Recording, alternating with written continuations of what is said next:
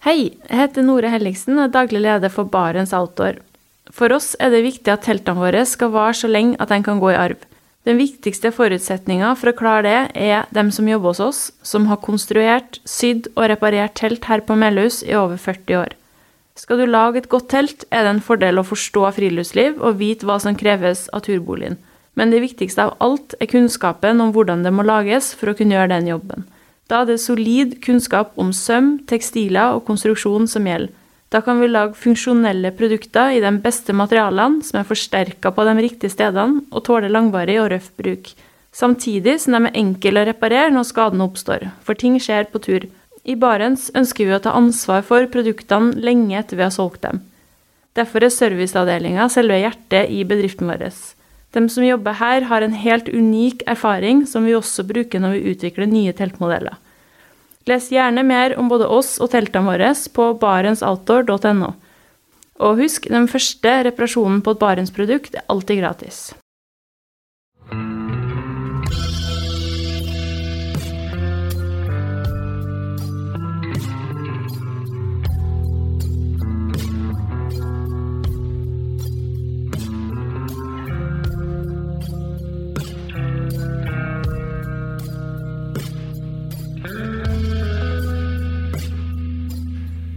Hei og velkommen til podkasten Uteliv.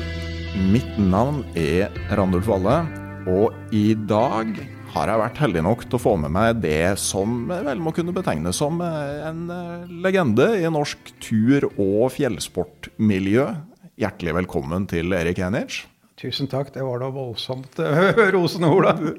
Jo, jo, men eh, det er jo på en måte noen som setter sine spor i et miljø, og du har jo vært eh, liksom på mange, involvert på mange måter. Da. Både som eh, aktiv utøver, men også gjennom utstyrsbransjen i 40 år, hvor du drev firmaet Vertikal.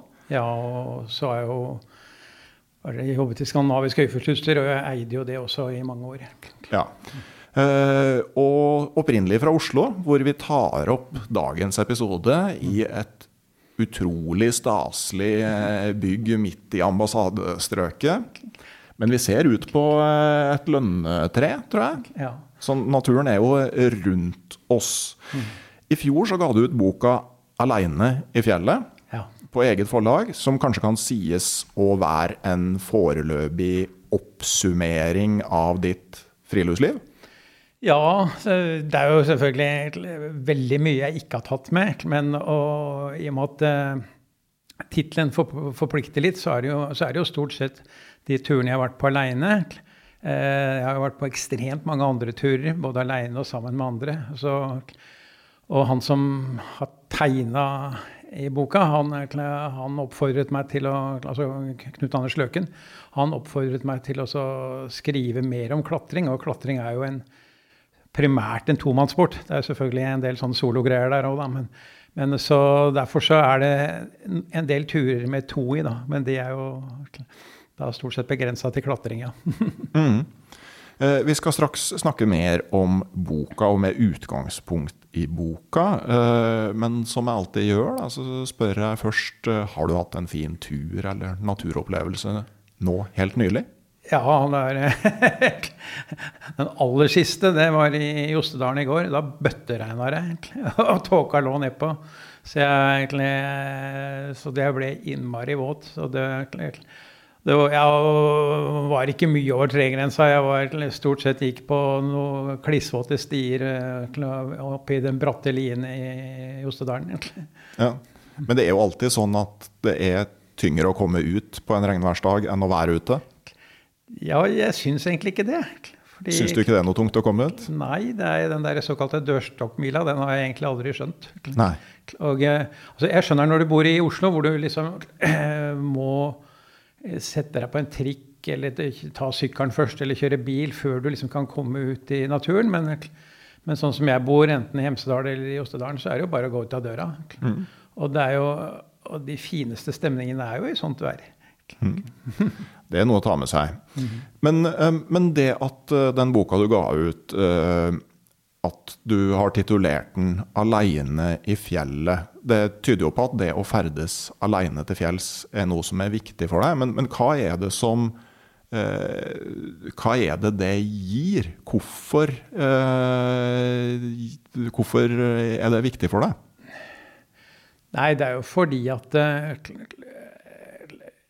Fordi at jeg opplever mer, da. Altså, altså, for å si det sånn, så begynte det vel egentlig med at jeg er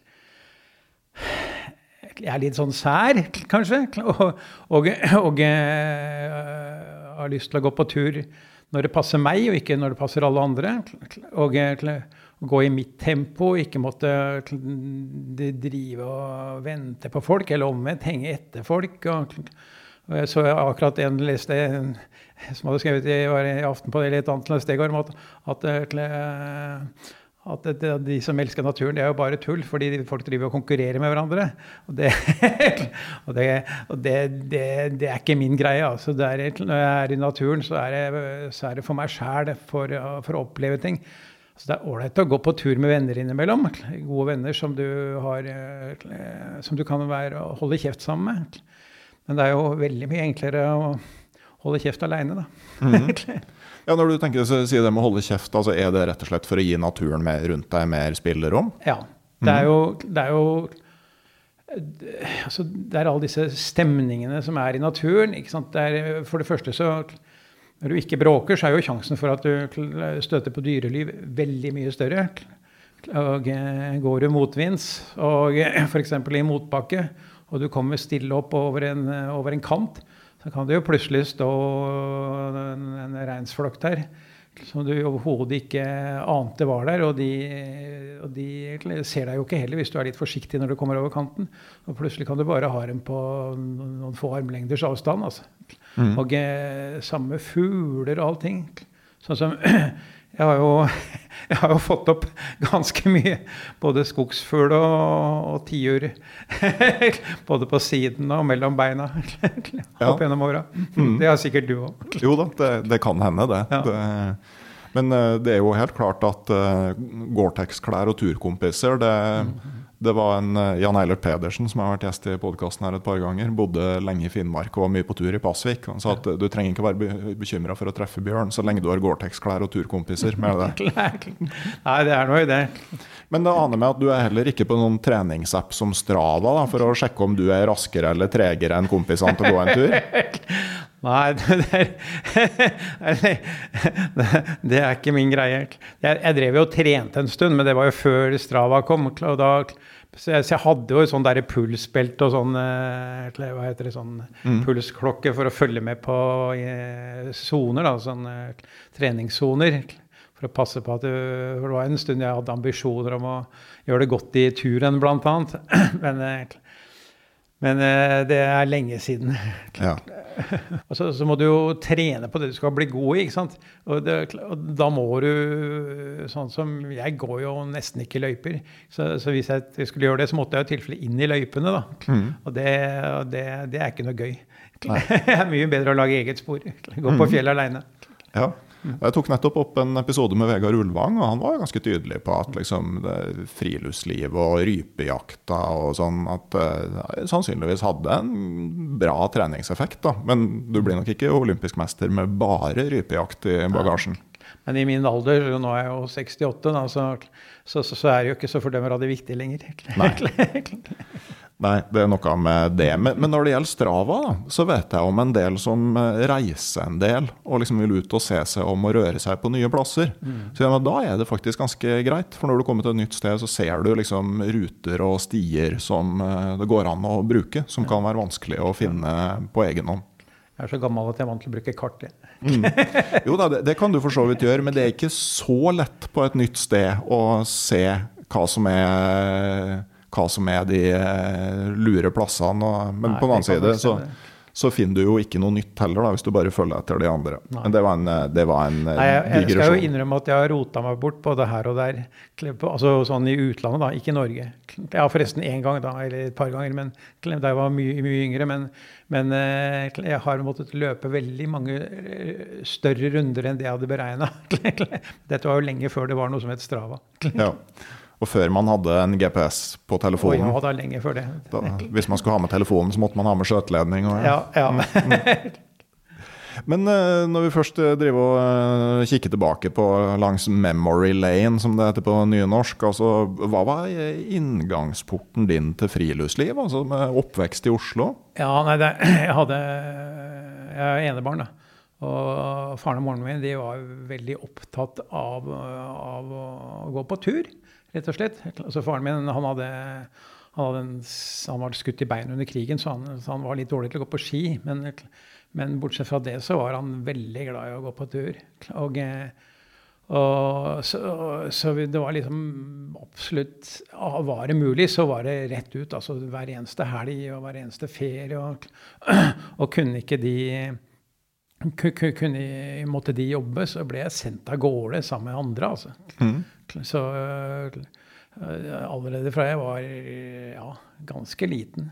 Jeg husker bl.a. en påske jeg ble sendt på, på, på, opp til en gård eh, langt eh, i, ja, hvor vi var innafor Østerdalen, langt mot Trysil, opp gjennom der et sted. Nettopp fordi at jeg ikke skulle gå fordi de måtte jobbe.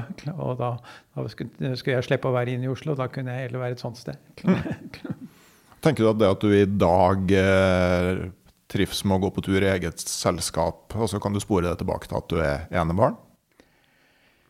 Ja, eh, det er mulig. Eh, Jeg hadde jeg veldig mange venner eh, å gå på tur med da, og trene med da jeg var yngre. Så, eh, så jeg begynte jo ikke å gå så veldig mye aleine. Det var bare litt liksom sånn eh, da jeg var yngre. Så det har jo bare blitt mer og mer og mer etter hvert som jeg er blitt eldre og eldre. Men, men det at friluftslivet ditt utvikla seg si, i bratt retning da, mot eh, bratt fjell og is, eh, var det noe du fikk med hjemmefra? Nei, eh, det var det overhodet ikke. Det, det var jo Altså, husker på at jeg vokste opp eh, Jeg er født i 54, da. Og, og eh, hele vår foreldregenerasjon de hadde jo opplevd krigen. Og de var ekstremt opptatt av at uh, ting skulle være trygt, og at vi skulle bli gode samfunnsmennesker. og og gjøre, så, så, så det var eh, liksom F.eks. å gå på epleslang var jo egentlig bannlyst, men vi gjorde det nå likevel, da. Men, så å klatre i trær, det, det var noe greit, liksom. Men eh, det å klatre fjell, det, det var noe som først kom når jeg ble helt i slutten av tenåra. Hvor, hvor kom i, hvordan kom du inn i et sånt miljø? Hvordan oppdaga du det, det? det begynte med at jeg Jeg var i, jeg var i militæret på, på Terningmoen, idrettstroppen der. Og så, og så, og så synes jeg da, det var jo, da lå vi vanvittig mye ute. da. For det første så drev de bygde om brakkene på Terningmoen, så vi tilbrakte jo tre måneder i 16-mannstelt oppe ved Rena. Og så pluss at vi hadde 52 døgn i knappetelt, så det ble veldig mye friluftsliv det året. Men, men, men det var jo stort sett i skauen. Ja, det var litt, vi hadde en øvelse oppe i Ronda nå, da. Og da og da var det noen av oss som Og det var under eh, Ronde... Vi var eh, Blant annet så lå vi en natt under Rondeslottet. Så kom vi fram litt tidlig på ettermiddagen og tenkte faen, det skulle være artig å gå opp. Og så vi, så var det et par, eh, tre stykker av oss. Så, så bare gikk vi opp ei bratt renne i nordveggen på nordsida på Rondeslottet der. da. Og det syns jeg var egentlig kjempegøy. Så tenkte jeg faen, dette har jeg mer lyst på. Så, så, og den gangen så var det jo så, så da meldte jeg på på et brekurs, da, og, det eneste, og jeg var så seint ute, så det eneste som da var ledig da, da jeg da dimma fra militæret Det var jo i begynnelsen av juli, så det var oppå, oppå på Svartisen, på Engabrenn. Og, eh, og det syntes jeg også var kjempegøy. Og, da, og, eh, han som var kursleder, en som het Oddgar Edgar Jansen, han jeg spurte om det var liksom mulig å være noe mer. Så han, ja, så, så han, ja, NVE har jo sånne bremålere sånn, rundt omkring. Eh, og du kan jo høre med dem. Så sa han, ja, hvordan gjør jeg det? da? Jo, nå kjenner jo jeg egentlig han, en på Brekkontoret som heter Arve Tvede. da, Så kan ringe, vi kan ringe ham herfra, så og så kan jeg anbefale det. Og sånn kom det til at det er min første jobb som i NVE, og da på Nigardsbreen. Og der var jeg da resten av den sommeren og hele sommeren etterpå. Ja, hvordan var det å være bremåler? Nei, det, det, det, første året så var jeg jo stort sett nede ved nede ved Nigardsbrevatnet, og da måtte vi skulle ut av slamprøver, altså eller vannprøver da, av, av eh, Nigardsbrevatnet for å se hvor mye eh, materiale som sank i vannet eh, fra, fra, innløpet til utløpet. Så vi tok ei bøtte hver morgen og hver kveld i utløp og innløp, og så ble det så filtrert vi det, og så og så veide vi det, pluss at vi skrev kornstørrelser. Men i tillegg så var det jo smelta ned en masse vaiere ned i isen. Så, så jeg husker ikke hvor mange dager i uka, det var ikke hver dag. Men flere dager i uka så måtte vi opp på isen da, og, så, og så måle hvor mye disse var smelta fram. Mm. Og da jeg kom, så var jeg sammen med en fyr fra Skjåk. Så var det en fyr fra Skjåk der da, som hadde vært sammen med en annen. Men etter hvert så måtte han reise hjem, og så kom det ingen andre. Så da ble jeg, ble jeg aleine der. Så da ble det veldig mye så, Men så kom det en da kom det en fyr fra Brekontoret en, som heter Svein Gulbrandsen, som jo kanskje mange kjenner som uh, løypebasen på, på Ringkollen. Som dessverre døde for noen år siden da han fikk en preppmaskin over seg. Men han, han var den, da, den gangen landmåler på Brekontoret. Så, så, han eh, Jeg visste jo ikke at han skulle komme engang, så plutselig bare kom han eh, vaggende over ei, over ei sånn eh, hengebru, lita hengebru vi hadde over elva der. Så, så, så sa han ja, i morgen skal vi triangulere breen. Jaha, sa jeg. Så, så, holdt vi på med det først. Eh, så gjorde vi det den ene døgnet, og så skulle vi gjøre det på nøyaktig samme tidspunkt dagen etterpå igjen for å se hvor mye det hadde beveget seg. da. Mm. Og det var ganske imponerende, for da, da hadde faktisk Altså på det, på det raskeste altså det, var, det, var, det, var, ganske trangt, og midt på breen og oppå breen så mm. hadde faktisk breen beveget seg én meter på, på ett døgn.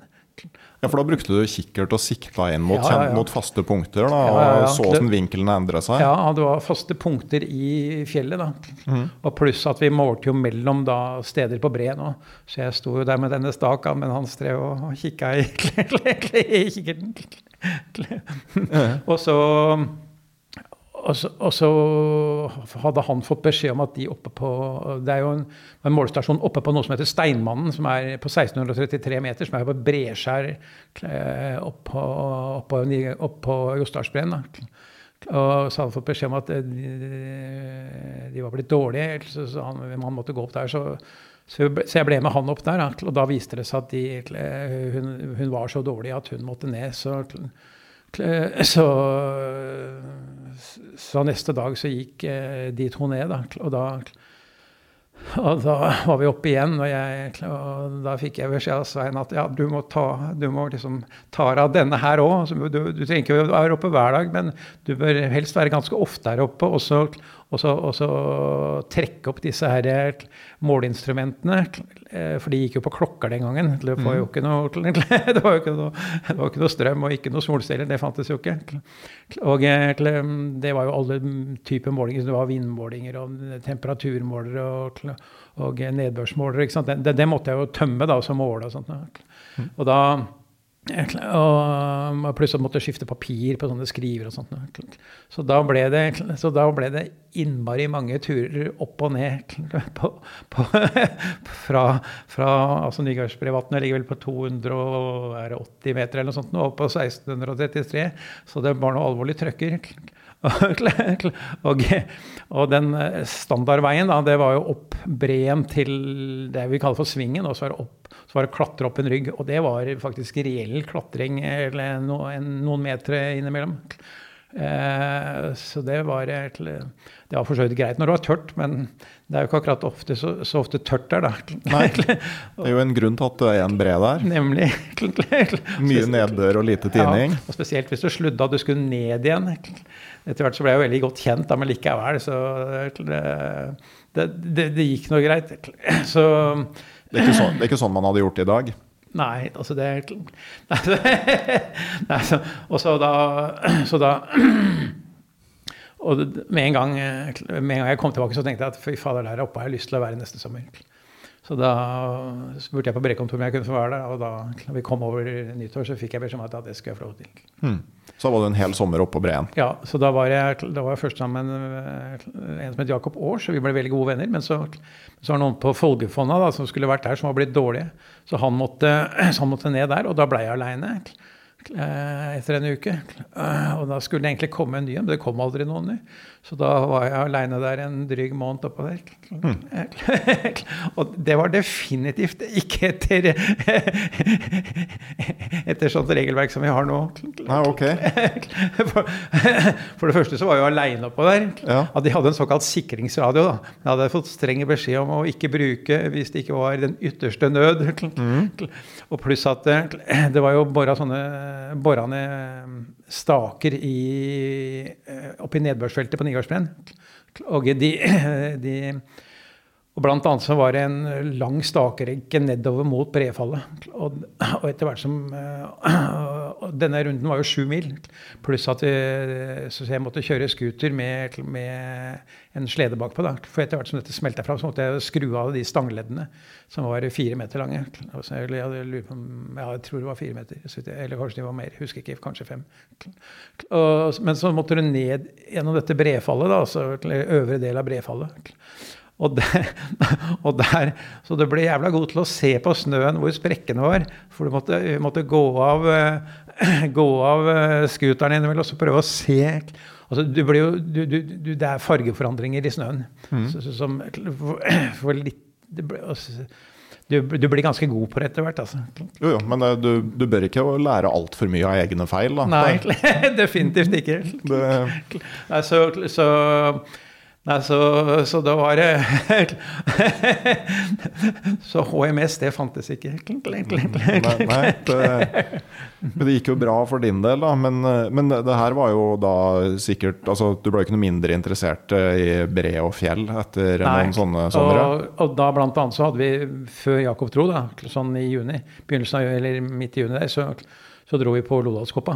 Mm. Og det var eh, ganske køddete, for var for det hadde, det hadde snødd rett før, og det hadde plastra seg på. Vi hadde jo bare skistøvler, men vi hadde heldigvis eh, stegeren. Så vi, eh, så vi, kom opp og ned der, men det var, det var jo faktisk reell eh, klatring på sånt forhold. Altså hvis, det er jo ikke det når det er bart og sommer og sol og sånt. Men, men sånn som forholdene var det, så var det egentlig Pluss at det er langt å dette ned der. ja, jeg har vært på eh, brekurs på Bødalsbreen ja. to ganger. Og da, da var jo Lodalskåpa mål ja. på en sånn langtur. Men eh, vi snudde rett og slett fordi det nettopp hadde snødd. Mm. Sånn at mm. liksom den kombinasjonen at det er langt å ramle ned, og at, mm.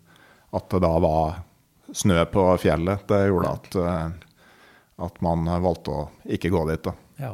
Mm. Nei, det var eh, Vi eh, Nei, altså Og det, det trigga meg litt. Også pluss at Jakob hadde klatra litt før.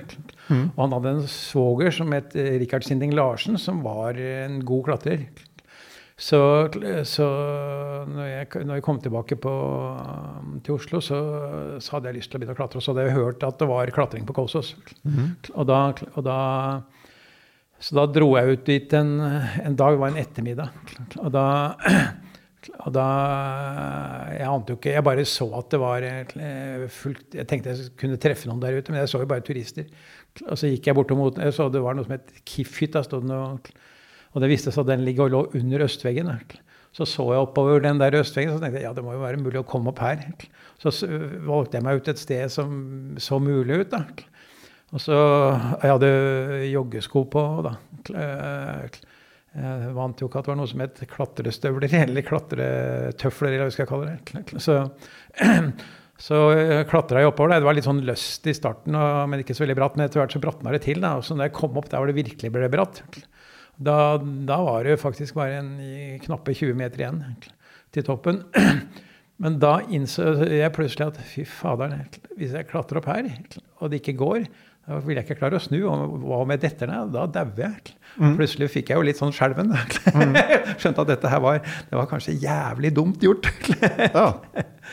så, da, så da klarte jeg å klatre ned igjen. Men da skjønte jeg at eh, dette må gjøres på en mye sikrere måte. Mm. Så, og heldigvis så, så hadde jo Jakob da mer erfaring enn meg, så, så, vi, så vi, neste gang så dro vi ut sammen, og han hadde tau. Mm. og da dro vi opp i øvre sydstup. Og da satte en seg på toppen, forankra i ei furu oppå der, og slengte tau, for der, der er ikke høyere enn en taulengde. Mm. øvre sydstup. Så der, og da kunne vi klatre på topptau, og det var veldig mye sikrere. Ja. Men vi skjønte jo fort at det, det, det, Klatring dreier seg jo ikke om at, man, at, at det skal være topptau. Vi har jo den, Blant annet den gangen vi var i ja, Jeg husker det var noe påske lenge, lenge etter, eller en stund noen år etterpå. Vi klatra ned i Skåne. Nei, i Skåne, sier jeg, i Bohuslän. Og da var, og da var annet en på et sånt kragg der nede. Da, da var det en svenske som kom forbi og så så at vi holdt på å stå ned og skulle klatre opp. Og så spurte han hvor får man opp repet? og det er jo nettopp det som er greia. Ja. Hvor får man opp repet? Det er jo det som er klatring. Det er det som er klatring. Ja. Eventuelt uten tau, da. Ja.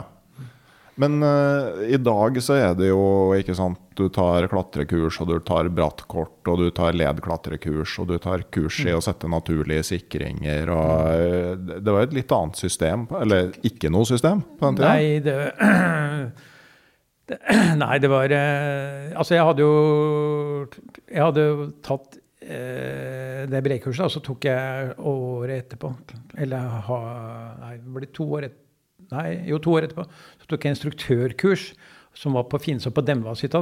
Og der lærte vi jo tross alt en del sånn sikringsteknikk, men i is, ikke på fjell. Mm. Og, og eh, så, så, det som hadde med fjellet å gjøre, det var, visste jeg jo ingenting. Men akkurat da var det jo da, da, jeg begynte, så var det jo liksom clean climbing som var greia. For før det så hadde det vært bolter. Mm. Men nå var det snakk om eh, kiler eller mutter og sånt. noe. Og det var eh, og det, det, det var jo for så vidt enklere, på en måte, for da slapp du å ha med den hammeren. Og pluss at, eh, og pluss at du, du, du, du, kunne lære fort å plassere sikringer. Altså. Mm. Men det var jo veldig mye som ikke var mulig å sikre med, med, med det mutterutvalget vi hadde. da. Ja. Så det ble noen såkalte runouts, altså at du langt, går langt over siste mellomforankring. ja. Og da, da du merker vel det i lårene, tenker jeg, hvis det blir vanskelig ja, og å det og langt ned. leggene. Når du står på bitte små tak og du begynner å riste for symaskin i leggene. Ja. Det, det, det, det er ikke noe greie. Og, og, så samtidig som, som, eh, som eh, underarmene stivner til betong fordi du står og holder på noe bitte lite noe. Ja. Når du da er, når du da f.eks. er 10 meter over forrige mellomforankring, da vil du falle minst 20 meter hvis du detter. Ja. Og da er sjansen for å slå seg og kanskje til og med drepe seg ganske stor. Ja, det, for jeg tenker jo timeteren i et svømmebasseng, det er ganske langt ned til vannet der. Ja, Og da er du bare halvveis. da er du bare halvveis. Men eh, sånn i retrospekt, er det ganger du tenker at du har vært heldig? Å ja. Det, det, det har jeg vel vært, kanskje vært mange ganger. Ja. Så Det var jo en gang i Alpene da jeg ikke var så veldig heldig.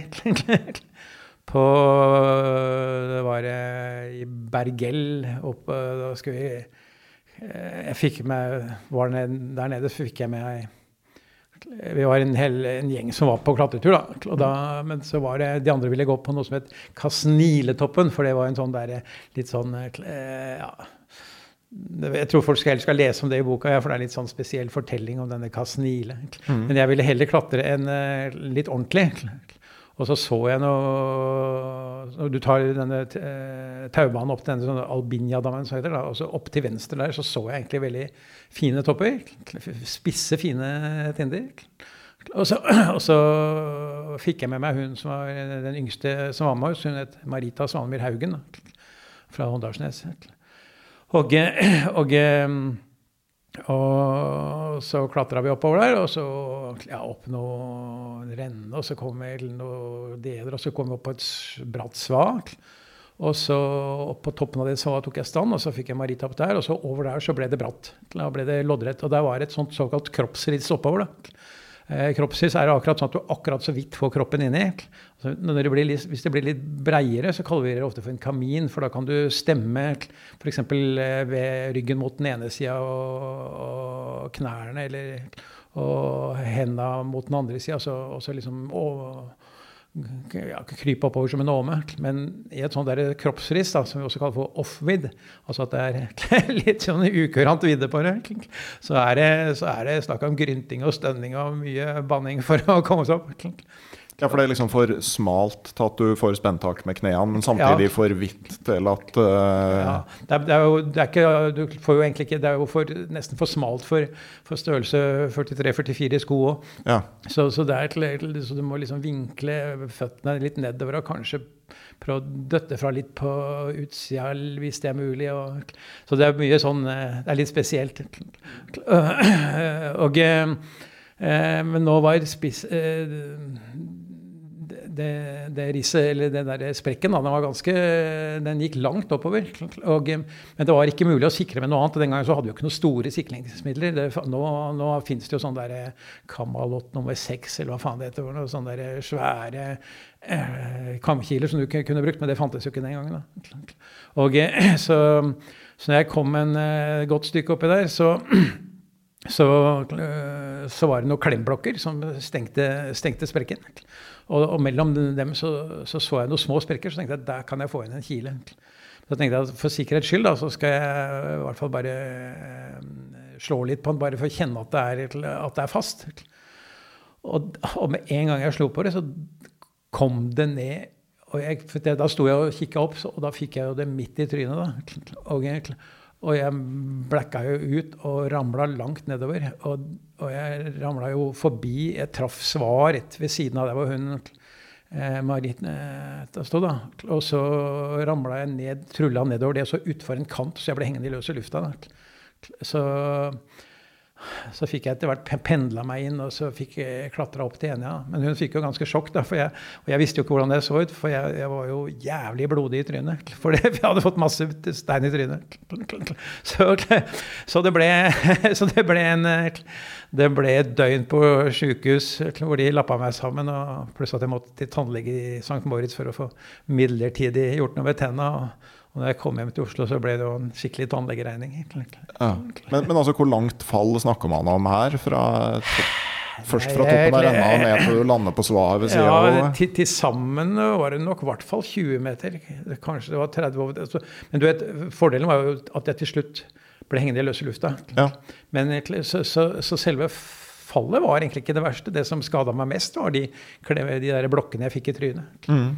Men likevel, altså, altså, et sva er jo litt skråstilt fjell, ikke sant? Ja, altså, men det var ganske bratt, da. Ganske bratt, så, så, jeg, så, jeg, hadde vondt i hofta et par dager etterpå, fordi jeg hadde truffet det med hofta. Mm. Men det var, ble ikke noe varig men på hofta. Men uh, man kan jo ikke spørre om livet passerte revy, for du var jo bevisstløs under fallet. Ja, men jeg kom nok til meg sjøl da jeg traff det sva, fordi jeg husker at jeg ramla utfor kanten og ble hengende i friluft. Ja. Så det brakte det der, smerten i hofta den brakte meg nok til bevissthet igjen. Ja, Men eh, var det sånn når du blir hengende der, altså hva er det første man tenker da? Nei, For det første så hørte jeg at Marita ropte. Mm. Og, så, og da måtte, det første jeg tenkte var jeg må jo bare få svart henne om at jeg, at, at jeg er i live, at det er i orden og det er ikke noe problem. liksom. Mm. Så det var jo nummer én. Og så, så sa jeg at eh, Eh, og så bare liksom sånn at ja, du må bare holde tauet stramt og så ta det inn etter hvert. som jeg, For jeg må bare få pendla meg inn under det til lille overhanget og så prøve å få klatra opp mens du strammer tauet etter hvert som jeg får klatra. Hun hadde jo ikke kjangs på å dra meg opp. Det var ikke Nei. mulig. Så, så, så, det var bare å få gjort det og få kommunisert om det. da. Mm. Mm. Men eh, samtidig, og ikke sant, altså, parallelt med det her, så begynner jo folk å på et vis kombinere brevandring og fjellklatring ja. til isklatring. Ja. Og det er jo en sport som du på en måte har eh, sett bli til. Ja. Det er vi, eh, Det var jo i disse åra at, at, utstyret Altså det ble mulig. Fordi det ble lagd økser som det ble mulig å klatre med. Var, altså Skottene hadde jo utvikla noe som de kalte for pterodactyl, som var som så ut som den der eh, kammen på hodet på den der eh, forhistoriske øgla. da.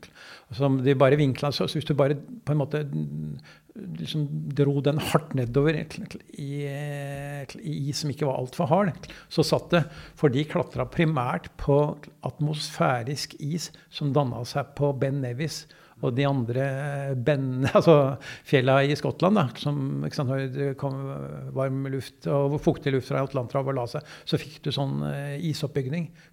Og, og, så, så, det passa bra til deres uh, men, det, men, disse funka jo forferdelig dårlig på kald norsk uh, vannis, da, som i fosser. Mm. For det sprengte for mye, og du fikk ikke dem til å sitte og sånt. Men så var det mens Yvonne Chouinard, som jo var liksom, eh, gründeren på veldig mye av dette som hadde med klatreutstyr å gjøre, borte fra California, han ble også veldig interessert i iskating, Og så, og så, eh, så utvikla han og en som het Tom Frost. De utvikla først en, en, øks med bua blad, som de kalte for eh, ja, Som var en, den øksa, da. Og, men så tok han jo seg med seg den pluss en sånn såkalt alpinhammer, da, som var jo en vanlig klatrehammer, men med et litt langt blad på med med spiss på en ende. Og, og så klatra sammen med disse skottene. Og så, men så kom hun jo tilbake til USA og skjønte at de pterodaktylene funka jo dårlig på sånn fossis. Og da tok han rett og slett bare og forkorta den, den frostøksa, og så, og så lagde tenner under hele. Og da plutselig hadde vi noe som het Joinar Zero, som jo var til de grader egna til å klatre bratt is med. Men det forutsatte at man pendla den inn og hadde litt sånn, sånn som de, de som driver med fluefiske, liksom sånn, litt sånn håndleds, eh, uh, håndleddsfisting på slutten da, mm. for å få den til å sitte.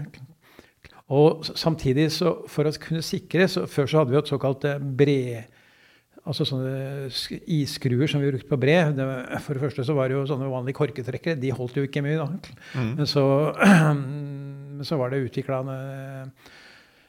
noen eh, huliskruer. Og de funka jo greit på varm altså is som eh, Og når det var varmt, for da smelta jo isen som da kom inn i røret, det smelta jo, og du fikk, fikk, det ut. Men om vinteren så gjorde jo ikke det, for da frøys det fast inni de røra. Mm. Så sånne isskruer de ble jo såkalt, det ble bare sånne engangsskruer. Du kunne ikke bruke dem flere ganger, for var jo, da var det full av is. Men så tok eh, Johan Sjøen og lagde skjæret trangere enn selve røret. Og Det betyr at den iskjernen som da befant seg inni røret, den, den, den frøys ikke da umiddelbart fast til, til veggene inni røret. Så da kunne vi ta oss så, så når, vi, altså, når toeren kom oppover da, og skrudde ut uh, iskruene, og hvis han da ganske omgående tok også slo litt på dem og rista dem, så datt isen ut. Og da kunne vi jo bruke dem på neste taulengde. Mm. Og da ble, og, da ble, det plutselig mulig å klatre ting så mye brattere. Og mye sikrere òg, da. Altså, ja. altså iskatring er jo ikke veldig sikkert uansett, da, men, men, i hvert fall mye mer sikkert enn å gjøre det uten noe særlig mer omforankringer. Ja. Men når man er i en sånn, midt i en sånn utviklingsprosess, så altså merker du der og da at liksom sporten og mulighetene endrer seg veldig fort, eller er det i retrospekt du ser det? Ja, selvfølgelig, Nå er jeg jo preget av retrospekt, men, men, der og da så gjorde vi nok det. ja. Fordi plutselig så var det jo liksom mulig Vi, vi kunne gjøre ting vi overhodet aldri hadde tenkt var mulig i det hele tatt. Mm. Ja, jeg husker jo en sånn beretning eller en sånn bok jeg leste om var to amerikanere og to nordmenn tror jeg, som kom og klatra Vettisfossen. Ja, det er jo, han har jobbet sammen i mange år. altså Thomas Karlstrøm og, mm. og, en annen som du kanskje kjenner, som bor i Trondheim, som heter Håkon Gammalsæter. Mm. Fordi, fordi Henry Barber og Taylor de, de hadde jo da dette utstyret. Robert Taylor var en jævla god klatrer da. Han ble bare kalt for Hot Henry. og, og jævla god og klatra veldig mye i Yosemite og sånt. Så, så, så de kom også ville klatre så de, de, kom på og De kjente jo Thomas gjennom, gjennom Ivan Sjuinar. Mm. Så, så, de kom til Hjemstad. Det var et par år før, eller ett eller to år før jeg kom dit. Ja. Jeg, jeg husker fortsatt at eh, en sånn teknikk de brukte et stykke oppi der når du kom til litt mer sånn steinete terreng, var å ta på oppvaskhansker som de hadde limt på sand på. Ja, det stemmer det. fordi altså, altså Vettisfossen er jo loddrett. Mm.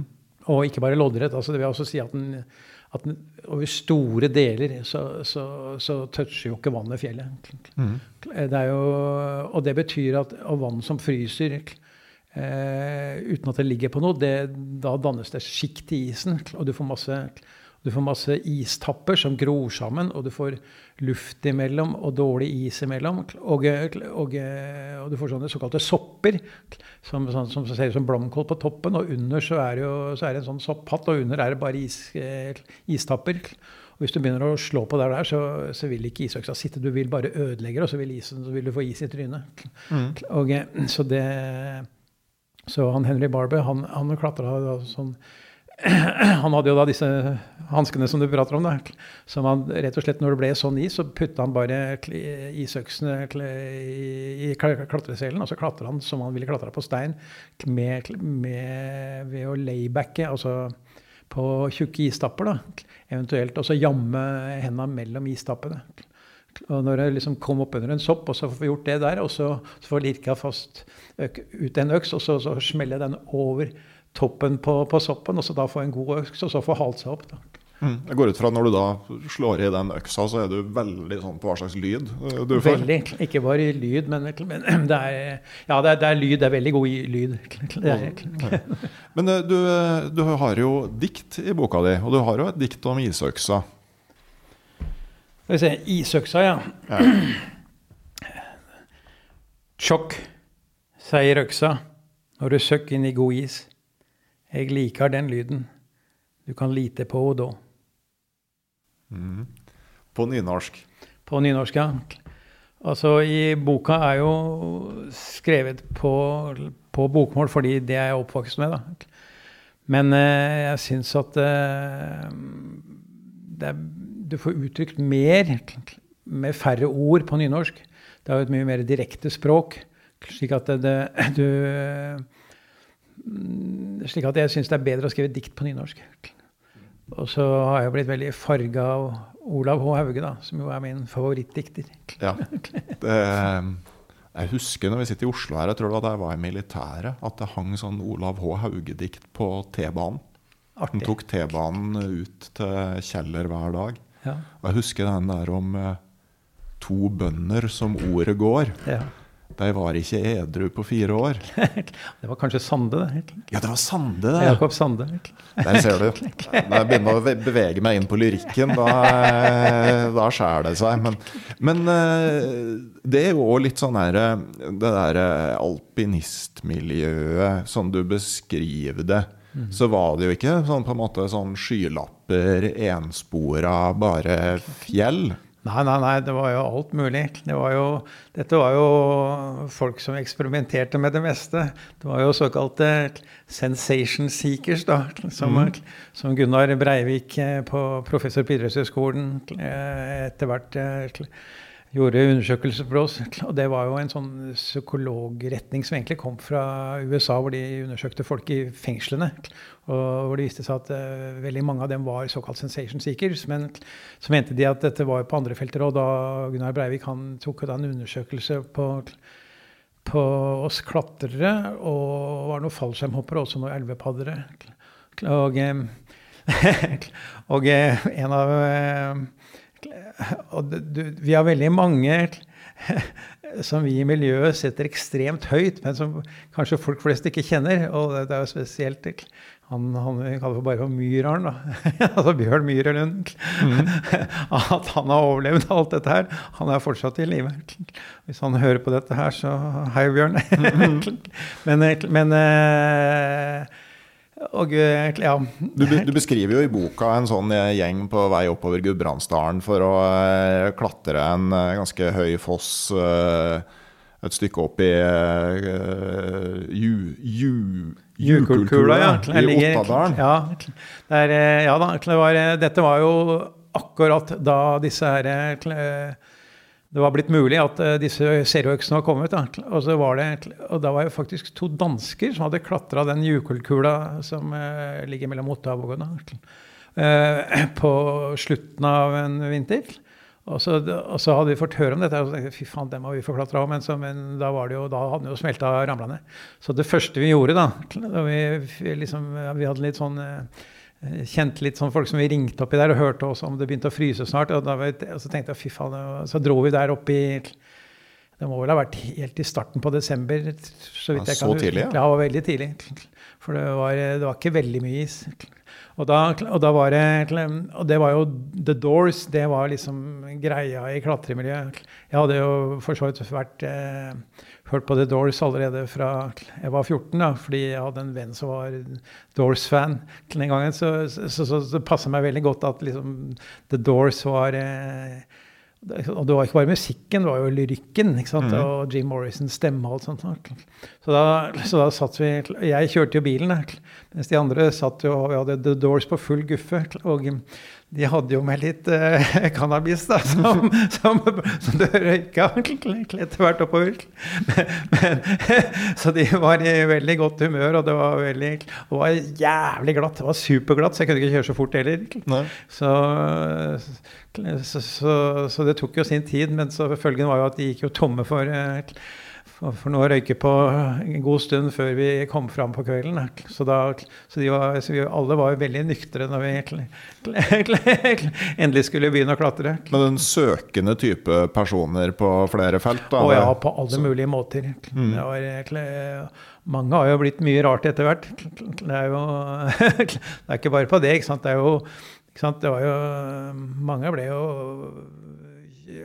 søkt utfordringer på mange områder. Liksom, som Morten Rostrup, som jo har vært masse krigssoner i Leger uten grenser. og mm. Harald Henden, som jeg vet ikke om han er tilbake fra Ukraina, men det er jo ikke tall på alle de, de, de krigene han har eh, vært fotograf i.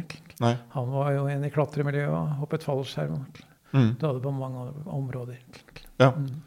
Nei, og du har jo noen som på en måte har eh, liksom gjort streitere karrierer. Ja, sånn. altså, den, Ralf Høybakk han er jo jeg husker ikke hvor gammel han er, 87 eller jeg husker ikke hvor gammel, men han, han, klatrer jo faktisk enda. Og han var jo en veldig profilert næringslivsleder. næringslivsleder. Mm. Og du har jo Og tok doktorgrad i ja, svært tok, voksen alder? Ja, han var jo pensjonist. Han var jo oppe i 70-åra. Han tok doktorgrad i anvendt matematikk. ja. Nei, det er jo noe med å liksom eh, altså på en måte være ja, søkende og, og være liksom, Både på opplevelser og på lærdom. Da. Ja, ja, okay. Og du beskriver at du hadde fast tur til jazzfestivalen i Molde, sånn kombinert klatring og eh, kultur? Ja, det var jo fordi at eh, jeg hadde jo truffet Iver Gjelstenli på det instruktørkurset på Finse, eller på Demvahytta på Hardangerøkeren. Og vi ble venner umiddelbart. Og det var ganske pussig. Jeg er en bygutt fra Oslo, han egentlig fra Rekdal i, i Romsdalen. Og han var jo noen år eldre enn meg. Men det var liksom et eller annet med kjemien som bare klaffa. Og så det, vi, vi, dro jo på Så allerede samme året så dro vi jo til Innerdalen for å klatre. Og eh, siden så hadde vi jo masse eh, klatrekurs sammen i Innerdalen. Og, eh, og eh, ja, han, han flytta etter hvert tilbake til Molde, for han bodde i Oslo akkurat da. Men de flytta tilbake. han, han fikk jo sju unger etter hvert, da, men det la ikke noen begrensninger på, på turlysten hans. Nei. Så vi har jo vært enormt mye på tur sammen. Så da vi var unge, så var det jo vesentlig klatring nesten bestandig. Men etter hvert som vi ble eldre, så ble det jo både kajakk og mer vanlige fjellturer og mye terrengsykling og sånn. da. Mm. Mm. Så at han datt ned på Vengetinn eh, for to og et halvt år siden, det var, eh, det var tragisk. Ja. Og, eh, men det, det, er jo altså Var det på en måte første gang du opplevde den sida av sporten, eller har du liksom Nei. opplevd å miste Ja, fordi eh, virkelig første smellen var jo da, da Finn Dæhlie og Hans Christian Doseth datt ned på Trango. Mm. For da, sant, fordi de også, Stein Aasheim og, og eh, Dag Kolsrud, de hadde jo ambisjoner om å klatre den der verdens høyeste loddrette fjellvegg, mm. som jo er på Trango. De hadde dratt ned, og det, Da de kom ganske langt oppi der, så viste det seg at det var, de hadde altfor lite mat til at alle fire kunne gå. Så da, så da firte Stein og Dag seg ned igjen, og så fortsatte Finn og Hans Christian til toppen. Og de kom på toppen, og så skulle de returnere. da. Og et eller annet sted nedi der, de var godt over halvveis på nede igjen. De var blitt sett i veggen med kikkert. Da. Så har de ramla. Altså, sannsynligvis er jo da et, eh, et rappellfeste som har ryket ut. Da. Mm. Og så har de ramla ned, og sannsynligvis havna da i en bergskjont eller en, et eller annet nede på breen under. Og eh, de er ikke blitt funnet. Og da var det jo to ganske tragiske bisettelser etter det, da. Mm. Og jeg kan ennå huske hvordan Og begge to var nygifte. Jeg kan ennå huske hvordan de, de to enkene Hvor hardt det var for dem. Altså. Mm. Men jeg tenker jo altså, Man vet jo at klatring er en risikoaktivitet. Ja. Eh, Men forstår man egentlig hva det innebærer? I hvert fall som ung. Nei, du tror jo du er udødelig. Når du er ung, så tror du jo det. Men som sagt, den der eh, opplevelsen min på Kolsås, når du plutselig får skjelven og skjønner, skjønner at fy faen, her, her kan du jo dø.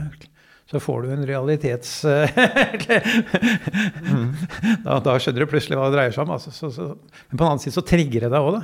Ja, er det ikke litt der i det krysningspunktet mellom livsglede og livsfare at uh, Jo, det er jo det. Sånn som jeg jeg syns jo ikke det er noe gøy å klatre inne. Nei? Så det, på sånne faste tak og, med, og godt sikra.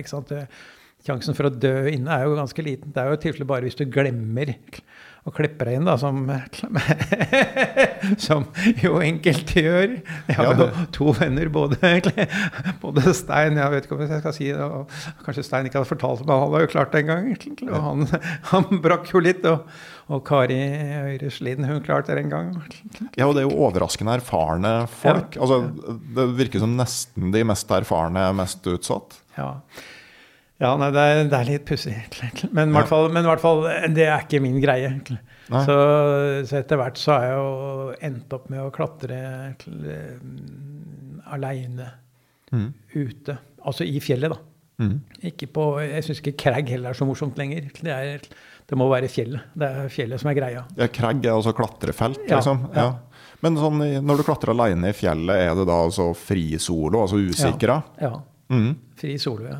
Og, det, og da må du jo altså hvis, det er, hvis det er et sted du har vært før, da, da, er det jo, da veit du på en måte at det går an, at du kommer opp. Hvis du klatrer et sted du ikke har vært før, så må du hele tiden eh, kunne klare å returnere. Så det betyr at eh, hvis det kommer til litt sånne vanskelige passasjer, så må du prøve å klatre litt oppover, og så må du klatre ned igjen og se at du klarer det. Og, og hvis du ser at, neste, at det blir enda vanskeligere oppover, du sannsynligvis da ikke ville kunne klare å returnere, så må du jo bare gi deg og klatre ned igjen. Mm. Fordi, at, fordi hvis du da møter noe enda vanskeligere høyere opp, som du da kanskje ikke klarer, da er det jo enten så blir du sittende fast og vente på hjelpa, eller, så, eller så detter du ned og dør. Mm. Og, og, og det er veldig mange steder i fjellet det fortsatt ikke er dekning. Blant annet, jeg er ganske mye i Breheimen. Da. Og der er, det, der er det mange, mange svære områder uten dekning. Mm. Fint område, både det og Reinheimen. Ja, det er jo altså, altså disse folka som driver og går i kø på Besseggen eller, eller Trolltunga, de, de skjønner jo ikke hva de går glipp av. Mm. Men det Nei, eller så kanskje så oppsøker de det de ønsker. da. At det sosiale er en eh, Ja, del av det. Ja. Det er jo fint for sånne som deg og til dels meg. da, at Ja. eh, ja da, det er jo det. det er, de, de kan være men, der. men, men det, det forundrer meg jo liksom så mye folk som det tross alt er i Jotunheimen. Og bare går over på andre sida av Sognefjellsveien, så er det plutselig omtrent ikke en kjeft. Jo, men sånn i Jotunheimen òg, altså hvis du bare går bort fra de Ja. mest vanlige fjellene og litt utafor sti, og Ja, ja, ja. sjøl midt i påska, så kan du jo eh, ha det ganske stille og rolig Ja, der Til og med jeg som bor i Hemsedal, hvor det er vanvittig mye folk i påske. Mm. Til og med jeg går jo aleine. Kan gå en hel dag i fjellet i påsken uten å treffe noen. Mm. Men det er jo fordi at da velger jeg jo sånne turer hvor, hvor jeg ikke treffer noen. Ja. Ja. Men eh, hva var det som gjorde at eh, du flytta til Hemsedal? Nei, det var jo, det var jo Altså, jeg hadde egentlig ambisjon om å komme ut av byen helt siden jeg var 15. Mm. Og så var jeg, så var jeg lærer på Persbråten gymnas i økonomi, og så syntes jeg det var drita kjedelig. Altså, jeg har aldri gått så mye på ski nå, for jeg hadde jo full stilling på 17 undervisningstimer. Så, så, og kona mi, da, hun, hun hadde hun, De hadde hatt hytte i Hemsedal, så hun kjente Hemsedal ganske godt. Og, så, så, og den gangen så var klatremiljøet så lite at vi kjente hverandre alle sammen. Og Thomas Karlstrøm drev jo da skandinavisk høyfjellsutstyr. Så på såkalte Kolsås julebord, da, som, eh, da kom de alltid ned, for det var big piece up. Så da kom vi i prat på, på det julebordet, og så, så, sa han ja, du har ikke lyst Og så sa jeg at, liksom, at jeg hadde lyst til å komme ut og på fjellet. Og så sa han ja, du har ikke lyst til å komme og hjelpe meg, da? Sånn. Så, så, så, tenkte jeg jo faen, det var egentlig en god idé. Så, på, da skoleåret var slutt, så, så bare dro vi opp og bosatte oss. og og kona mi Elise hun fikk eh, lærerjobb på landbruksskolen nede på Lien, som ligger på Torpet. Og jeg Ja, etter hvert så bygde vi hus, og jeg jobba på Skandinavisk. Og så i 87 så splitta vi firmaet, og så begynte jeg med Vertikal, som var agrofirma. da. Ja, altså for at uh, Vertikal sprang ut av, Skandinavisk, ja. som et rent distribusjonsfirma, egentlig. Ja, ja. Mm. Eh, hvor, altså, jeg tenker sånn, når, når, du er friluftsinteressert ikke sant? og så mm. plutselig jobber du igjen i sportsbransjen, så vil jeg jo tro at det er litt sånn guttunge på julaften ja, det, i, starten? Det var jo det. Det var jo, så, det, ikke sant? Og det var jo var, når vi var på disse messene, da, det var jo, til å begynne med så var det jo ISPO i München. ikke sant, Å komme hit på disse klatrestandene og så treffe sånn som Yvonne Joinar og sånt. ikke sant, Sånne, sånne legender som du bare hadde hørt om. Og så kunne du håndhilse på sånne folk. Det var jo jævlig svært. Mm -hmm. Og så se på alle disse nye dubbedittene som da har kommet. da. hvor, hvor lenge var det spennende? Nei, til, ja, i hvert fall i ja, over ti år, kanskje 15 år. Mm. Mm. Så, men det hadde jo noe med at gjør jeg ble eldre og, og pluss at, at vi, det var jo ikke mye business i, i, klatring den gangen. Det var jo så få som klatra, så det var ikke så mye å leve av. Så vi måtte jo utvikle det. Så kom jo Telemarksbølgen. Og, og, og det så, så, så, etter hvert så, så, ble det mye mer business innen det. da? Mer om generelt friluftsliv og mm. alt som hadde med turutstyr å gjøre. Blant annet brennere, som du og jeg traff hverandre på. Ja, det var vel første gangen vi var i kontakt, var i 2001. Jeg spurte pent om å få en god pris på en MSR Pocket Rocket før vi skulle på lang padletur i Canada. Ja. Og det fikk vi. Og så har vi jo samarbeida, eller vært i kontakt med hverandre. Mm vi har jo vært på hver vår side av det med utstyrstesting, som mm. media driver med. Altså, hva slags opplevelser har, Hvordan opplever du den sida? Nei, det var jo det, Før du kom, så, så for, for, du gikk jo grundig til verks. Du testa og målte, og du lagde objektive kriterier. Men nesten alt sammen før det, og jeg ser nå fortsatt, nå fortsatt så, så, så er det jo det vi kaller for utstyrspreik. Altså. Mm. Det, er jo, det, er jo, sånn Nå har jeg prøvd denne, og jeg likte den sånn og sånn, og den var fin, og, og sånt. Og, det, og det, det, det, er mulig den passa for den personen, men den passer definitivt ikke for andre, kanskje. Så, så det, var, så, det, har vært mye det har vært mye av det vi har kalt utstyrspreik opp gjennom tida, ja. ja. ja. og så tenker jeg sånn for, eh, for Vertikal, som f.eks f.eks. hadde telt fra MSR. Ja. Som da har den måte, amerikanske løsninga med at du setter opp et innertelt først og klipser på et yttertelt. som er liksom den er jo prinsipielt ulik fra det vi er vant til med f.eks. Ja. Helsport og Hilleberg. Ja. Den nordiske modellen. Ja. Altså, er det vanskelig altså, når, da, når folk skal teste noe som er annerledes enn det de er vant til, altså, dere, har dere merka dere det? Liksom? Ja, vi merka jo det i starten. Mm. Så, men, men, men, vi fikk jo prata med en del folk, og så, og så, likte jo folk veldig godt det der at at du kunne splitte opp dette teltet i, i flere masse småpakker. Mm. At du kunne ha én for ytterteltet, én for innerteltet, én for stengene, én for bardun og så videre. Så etter hvert så, så Og MSR de, altså de overtok jo Moss Tent, og så utvikla de de ganske fort. og da og da klarte de å gjøre det sånn at du kunne gjøre det omvendt òg. At du kunne sette opp ytterteltet først, og så klipse inn innerteltet etterpå. Mm. Og, det, og, i norsk regnvær er jo det en fordel. Jo da, det, det, det er jo det. Men det er egentlig mest det der å For jeg har jo forskerbakgrunn ikke sant? og prøvd ja, å bryte ned liksom, altså, hva er det som skiller hva er det som skiller utstyrstesting fra forskning? da? Og det er jo en hel del. Ja. Eh, men bl.a. det der at man ikke tenker på at folk er forutinntatt. man er vant til noe. Og det å plutselig ta inn over seg noe som er annerledes, det er ikke nødvendigvis så enkelt. Nei, Nei jeg ser jo sånn som bare noe så enkelt som sånn toppturbukser, som jo har lufting i sidene. da. Mm. Og, og, og, og, og vi, vi, solgte bl.a. noen topptøybukser som hadde, som hadde lufting i sidene, men som hadde glidelås både fra toppen og fra bånn. Mm. Altså fra kneet opp, men også en fra hofta ned. Og, så, og, og, og, da husker jeg bl.a. han som hadde testa dem. Ja, det var fint å kunne lufte og dra opp fra kneet oppover, for det var han vant til. Mm. For, fordi det han hadde testa før, hadde det.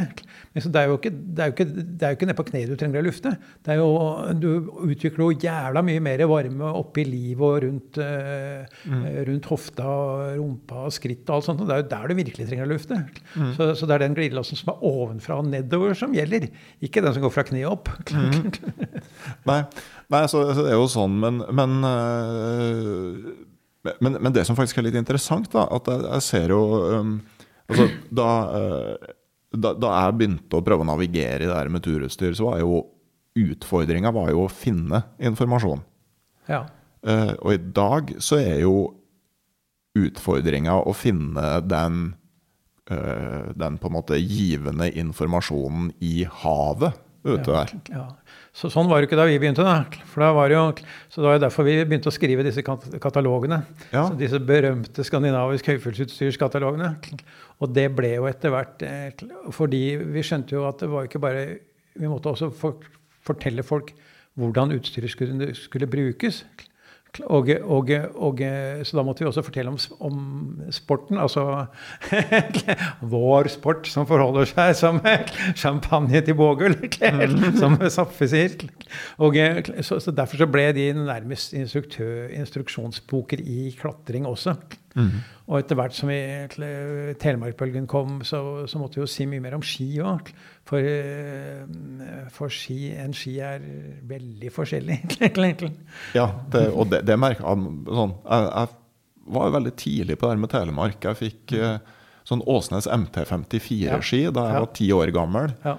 Jeg hadde aldri slalåmski, men jeg fikk Telemarkski til jul. Det var i 1984. Mm. Og Første gangen jeg var i et alpinanlegg med ja. dem, så var det jeg og en til som kjørte ja. Telemark. Ja. Men det er jo fjellski. Ja, det var det. Eh, med et voldsomt smørespenn. Ja, men det var jo de, de, vi begynte å kjøre Telemark på. Mm. Jeg, jeg, har kjørt veldig mye Telemark på MT54. Jeg. Mm. ja, jeg, jeg, har jo òg det. Og tråkka, tråkka egne ja. utforløyper på jordet og lagd hoppbakker. Og, ja, men, men, på en annen side så det var litt på en måte den typen skiløping jeg var vant til. Mm. Fordi at sant, eh, Da jeg var liten, så, så, var jo, så, var det jo, snø i Oslo. Og for meg som eh, bodde på Frogner, så var det ganske kort vei til, eh, til til eh, Frognerparken. Og der, eh, og der bygde vi hopp og gikk opp og ned. Og jeg hadde rett overfor meg så hadde vi jo såkalte Vigelandsjordet ved Vigelandsmuseet, som, vi også bygde hopp. Og jeg gikk også ut på bygde og bygde hopp i den første bakken kommer, som er til venstre bortom mot Oscarshall der.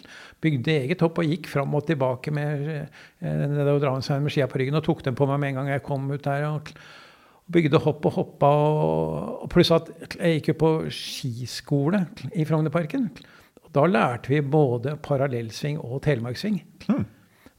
For det var jo standard da på slutten av 50-tallet og begynnelsen av 60-tallet. Ja.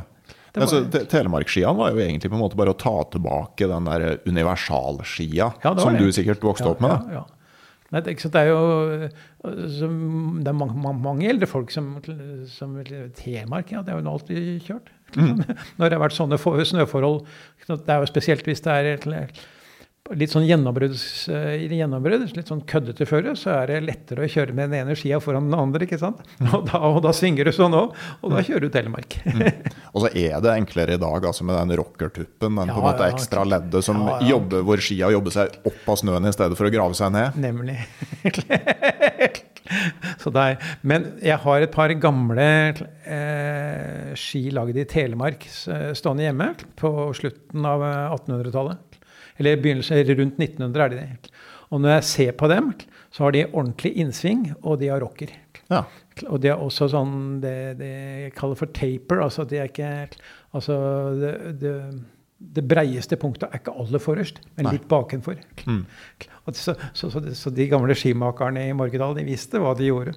Ja, det, det var jo liksom en lang, rik tradisjon. Ja. Eh, Og det, i dag så diskuterer man ting og tang ikke sant, Mm. rundt eh, skidesign og sånn, men eh, rundt Amundsens tid altså, så var det jo hvilket treslag og ja, ja. altså, mye diskusjon rundt det. Askeski var jo, var jo det som ble regnet som, som de glatteste. Ja, okay.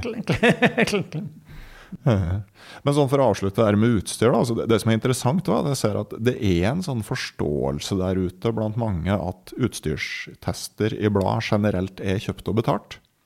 Ja, det, nå er det jo en stund siden jeg vært med på det, men så Jeg har Men aldri opplevd det. Nei, altså jeg har opplevd det på det jeg kaller for utstyrspreik. Når det er enkeltprodukter som testes, da oppfatter jeg det sånn ofte.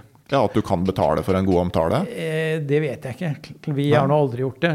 Men, men, eh, men det gikk litt på Men det var jo en del av utstyrstesterne som faktisk var sponsa.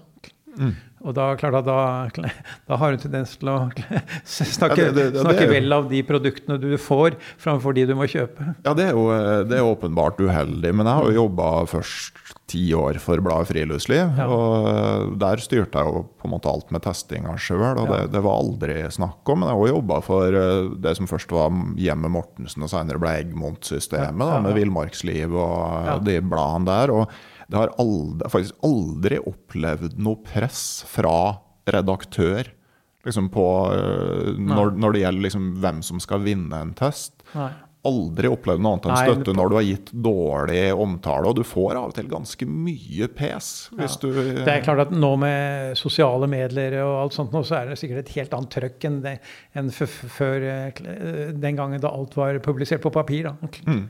Når man sitter som tester òg, så opplever du jo de forskjellige importørene og produsentene reagerer veldig forskjellig. Da. Og det, det var jo veldig greit med å jobbe med det. At vi, vi hadde jo på en måte en sånn Vi var jo ikke alltid enige. Nei.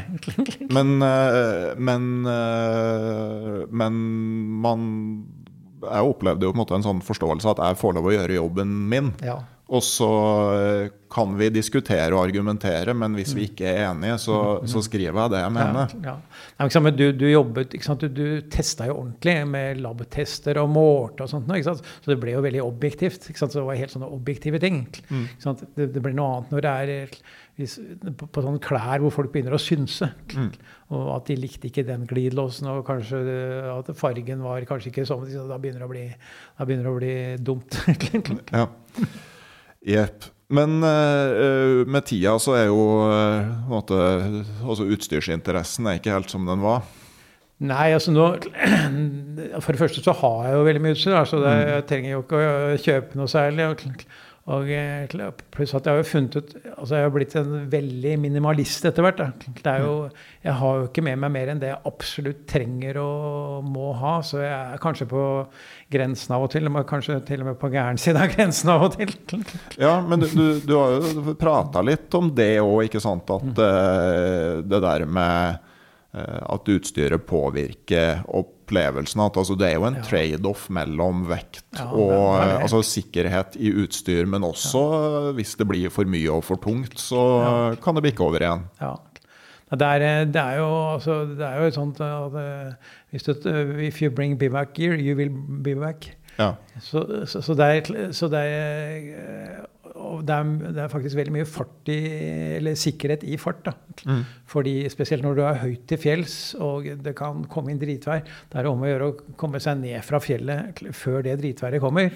Og hvis du har med deg så mye utstyr eller så tung oppakning at, du, at, at, det, at det gjør at du klatrer eller går saktere, så, så har du jo mye større sjanse for å bli utsatt for det dritværet enn om du ha, har det lett og kan fort komme deg ned igjen. altså. Ja. Jeg tenker jo bare sånn jeg, jeg driver jo et mer sånn ordinært friluftsliv, ikke så bratt. Men sånn jeg var med eldstedattera mi ei ukes tid i Reinheimen på slutten av sommeren. Og da gikk vi sånn helt utafor stier, og det er temmelig alpint og Ja. grovsteina terreng. Ja. Jeg tenker jo da, altså Det at vi hadde gjort en såpass god jobb med å ja, Vi hadde med to kosebamser og ei tjukk bok, men bortsett fra det så hadde vi barbert eh, temmelig bra. Og når du skal drive og hoppe fra stein til stein, og steinene egentlig ikke ligger i ro. Forskjellen på ca. 20 og ca. 30 kg på ryggen Ja, det, er- det er jævlig stor forskjell, altså. ja, det er, Med det ene så har du relativt grei kontroll når ja. foten beveger seg på en annen måte enn det du trodde når den setter seg ned. Ja. Og så når du kommer over et visst sånn nivå som er litt forskjellig fra person til person, så mister du fullstendig kontrollen når det skjer noe uforutsett. Ja. Jeg har jo den gangen det var eh, pakkrammesekker, ikke sant. Så da, hvis du hadde skikkelig tung sekk og sant? og så gikk skia kanskje gjennom skaraen, og da kom jo den som et hurtigtog bakfra og smalt i bakhuet på deg, og du begravde deg med trynet ned i snøen, og da komme seg opp igjen, det var ikke alltid greit, altså. Nei. Nei, og du tenker med det der, eh, jeg, jeg investerte i en ny sekk, faktisk. For den eh, gamle storsekken min den, eh, den ble anskaffa til uh, turen New Zealand på langs i Ja, det blir lenge 2006-2007. og Den har fått sine turer. Ja.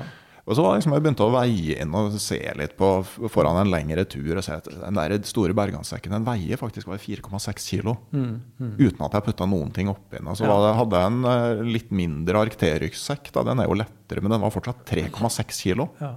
Så jeg endte opp med en sånn amerikansk jaktsekk. Ja. Håndprodusert. Kjøpte den bort i Lærdal. ja. Eh, og, og den veier da var det 1,6 kilo for en 100 liter sjekk ja, nemlig. Og det, det er Ok, den, den var ikke billig. Eh, jeg kommer til å legge ut litt sånne erfaringer med den på, på eh, nett etter hvert som jeg bruker den. Men samtidig, altså hvis den da skal vare i 15 år, den nå Ja, ja.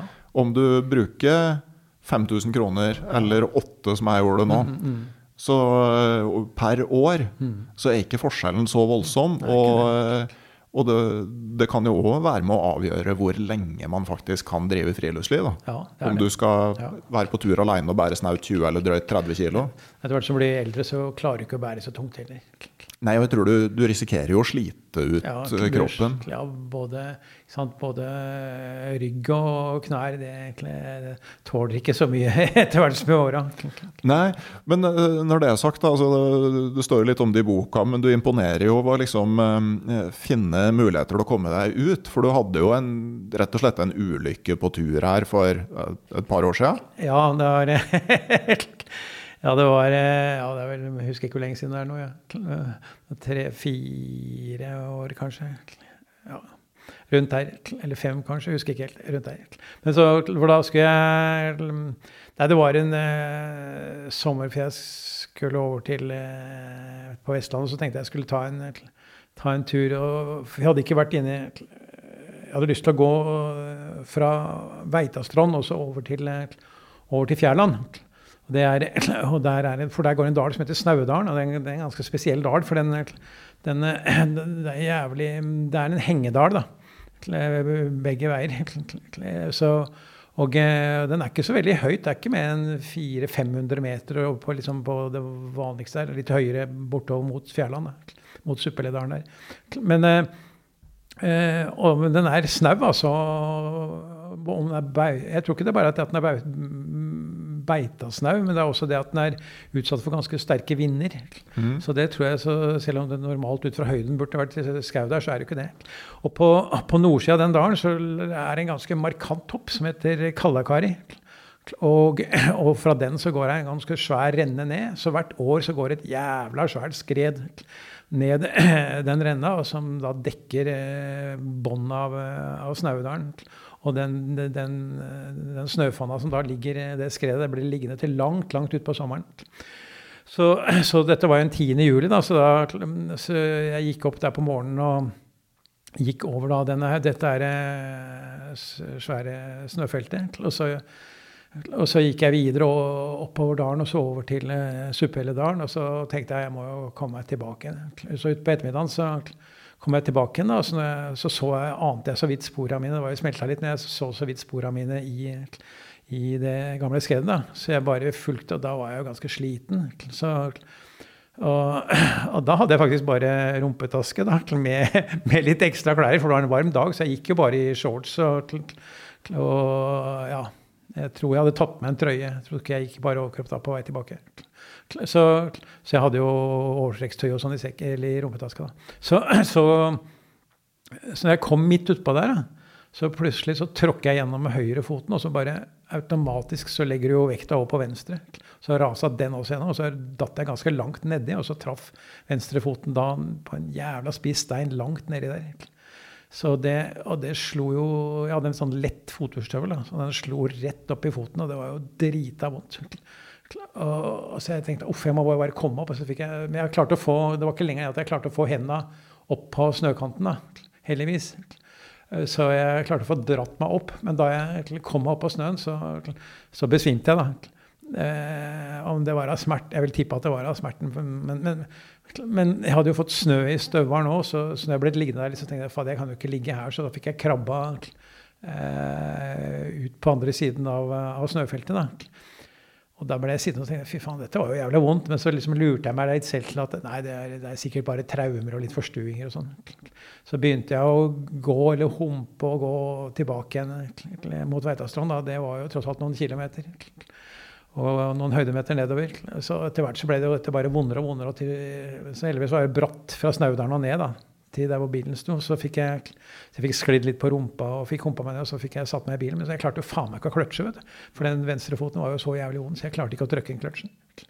Så, så, kjørte jeg sakte i første gir ned til um, Veitastrand der, og der, og der, ja, for en lang historie kort, så kom jeg etter hvert på sjukehus, og da viste det seg at det var jo 18 brudd i den foten. Det var liksom ikke måte på hvor mange det var. Og tre, de tre midterste tærne var slått totalt ut av ledd. Og, og i det hele tatt. Så det ble, så det, det ble mye snekring. Så, men det er morsomt å se på sånne ortopeder når de skal snekre. De har jo, Arsenalet deres er jo som en møbelsnekker. Ja, og, og det, det, er muskelarbeid? Ja, det er det. Det er, det er stemjern, og det er sirkelsager og Altså du lå liksom med lokalbedøvelse og følte Nei, det, det, det, Nei, for han måtte, han måtte ta bein fra, fra eh, ellers på kroppen da, for å skjøte på nede i foten. Ja. Så, så, de måtte jo inn og meisle bein høyere oppe, på, oppe i kroppen og oppe på beinet. Så, så, så, alt dette gjorde jo jævla Så jeg lå i narkose. Ja. Men du var jo litt sånn immobilisert? Eh. Ja, så jeg, jeg fikk jo overhodet ikke lov å gå på dette beinet. Så jeg var helt avhengig av krykker. Det var ikke snakk om å belaste det i det hele tatt. Men, det, men jeg syns jo det var helt for jævlig. da, så, Å drive bare og gå tur på krykker og så bare holde beina i luften da hele tida, det syns jeg ikke var noe moro. Så jeg tenkte at faen, hvordan skal jeg liksom få kommet meg ut? Og så fikk jeg, fant jeg ut at det var noe som var, var en sånn enfotskrykke som fantes. Så bestilte jeg en sånn på, på nettet. da. Og den kom, for den, du, for den kunne du spenne opp. og så da, for da så fra kneet, for da hvilte ankelen sånn rett ut bakover da, på en, på en liten hylle du hadde bakover. Så forfra så, så det ut som en sjørøver med trebein. Kaptein Akab? Ja. Eller Krok, eller hva det heter egentlig i Disney. så, så Nei, så jeg, det jeg fant ut at jeg kunne Jeg kunne jo padle, men det var bare det å få den kajakken med seg, da. Det var jo ikke så jævlig Å kjøre bil kunne jeg ikke med den enfotskrykka, da. Jeg kunne ikke ha jeg kunne ikke ha den i Så, så, så det, det, endte med at jeg først måtte jeg ta på enfotskrykka for å for å klare å få kajakken på taket av bilen. Og så måtte jeg bytte om til, eh, til vanlige krykker og så kjøre bil. Og når jeg kom fram til da jeg skulle padle, så måtte jeg ha Eh, som jeg er akkurat omvendt. Måtte jeg ha på enfotskrykka igjen. Få av, få av eh, få av kajakken av taket og så, og så få den ned til vannet. Og om å være kortest mulig. da, Slik at det ikke ble så akkurat så veldig langt å gå med den enfotskrykka. Så legge det fra seg i vannkanten og så ut og padle. Og da klarte jeg jo da, Men da skjedde det jo av og til at det blåste opp. da, Blant annet en gang på Helsingvatnet på, på, i Hemsedal, hvor jeg da og jeg da eh, mens jeg var ute på, så blåste det opp ganske kraftig. slik at, Så der hvor jeg hadde lagt igjen krykkene, da, når jeg skulle komme i land, der var det umulig å komme i land, for der sto sjøen på så grådig, og det var slo Jeg hadde ikke klart å komme i land i det hele tatt. og Jeg var redd for at kaken skulle bli slått i på, på steiner. Men så på, eh, til, til, slutt så fant jeg litt av vik lenger bort da, som jeg kunne komme i land på. Men der var det jo ikke noen krykker, så da måtte jeg krype gjennom krattet. da. Det så sikkert jævlig dumt ut. Det jeg skriver at det, De eneste, som, de eneste som, som, så meg, var jo Helsinglias fugler og dyr. Og de hadde sikkert en god latter.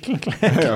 Men du klarte òg, etter hvert som foten ble bedre, å få komme deg på ski da, den kommende vinteren? Ja, jeg tok også Altså jeg fikk jo ikke lov, etter hvert så, altså Foten var jo så svær, så jeg fikk den jo ikke ned i, i verken langrennsstøvler eller, eller randostøvler. Og pluss at da fikk jeg ikke lov til å sparke fra. Så, for det måtte jo gro. Så, så, så jeg måtte så helst så, Jeg kunne jo brukt randostøvler, bare at jeg klarte ikke å komme ned i noen randostøvler. Så, så, det jeg gjorde, var at jeg hadde jo gamle, hadde noen gamle isklatrestøvler, og de er, de er jo helt stive i sålen. Og, og, de, og, de, hadde sånn leppe foran og bak for, for å bruke såkalt automatstegeren på. Da. Eh, så da tok jeg et sånt uh, footfangs, et sånt helt stivt stegeren, og så fikk, uh, fikk med vinkelsliper fikk jeg piggene, og så fikk montert det som på en ski. da. Så, så brukte jeg da en kort ski, altså bare en sånn barn ibberski på 1,20. Så så fikk til, eh, så fikk jeg montert opp sånn at jeg kunne bruke hælløftere på og få låst den. Og bak så brukte jeg kjøpte en sånn eh, portlås fra, på Biltema som jeg kunne låse den bak med. Så var det bare å få på fell og, og gå opp og, og, kjøre ned som vanlig. Men det er klart at det er jo 1,20-ski og ikke noe ankelstøtte, omtrent. Det, setter jo visse krav til Og spesielt og til å begynne med så var det jo jævla vondt å belaste den eh, foten òg, i svinger nedover. Så det ble vesentlige svinger på, på det ene beinet. Ja, Så det ble vekselvis innerski og ytterski? Ja. ja. men uh, det er jo Altså, Noe av det du på en måte formidler i boka, det er jo eh, naturopplevelsen og, og mm. tilknytninga til naturvern. Altså, er, er, det et element som har vært der hele tida for deg, eller er det ja, sånn som Ja, det, det har det vært. Så, eh, fordi jeg er eh, jeg, eh, jeg gikk jo på naturfaglinja. Eh, da jeg var eh, på gymnaset. Og, og, da var jeg medlem av noe som het Oslo feltbiologisk forening. Mm. Som var bl.a. sånn forløper for Natur og Ungdom. da. Oh, ja. og, og blant annet så, så, gikk jeg i Aurlandsdalen før den ble bygd ut. Mm. Og, og, det var en helt annen opplevelse enn etter at den ble bygd ut. Ja. Og jeg, I boka så har jeg skrevet et, eh, et kapittel som heter 'På villstrå', som handler om, om å Da jeg var alene, gikk jeg aleine som tenåring, så gikk jeg fra Haukeliseter og så over hele Hardangervidda, hvor jeg bl.a. klarte å gå meg vill, vill på første dagen. Da, lite grann. Jeg fant meg fort tilbake igjen. Da, men. Og så etter hvert så endte jeg opp i Auland. Og, eh, og jeg har gått der etterpå. Så det er så, så, der, så jeg har liksom reflektert litt kanskje over det. da. Og det om å, hvordan, hva, hva kraftutbygging har gjort med Aurlandsdalen.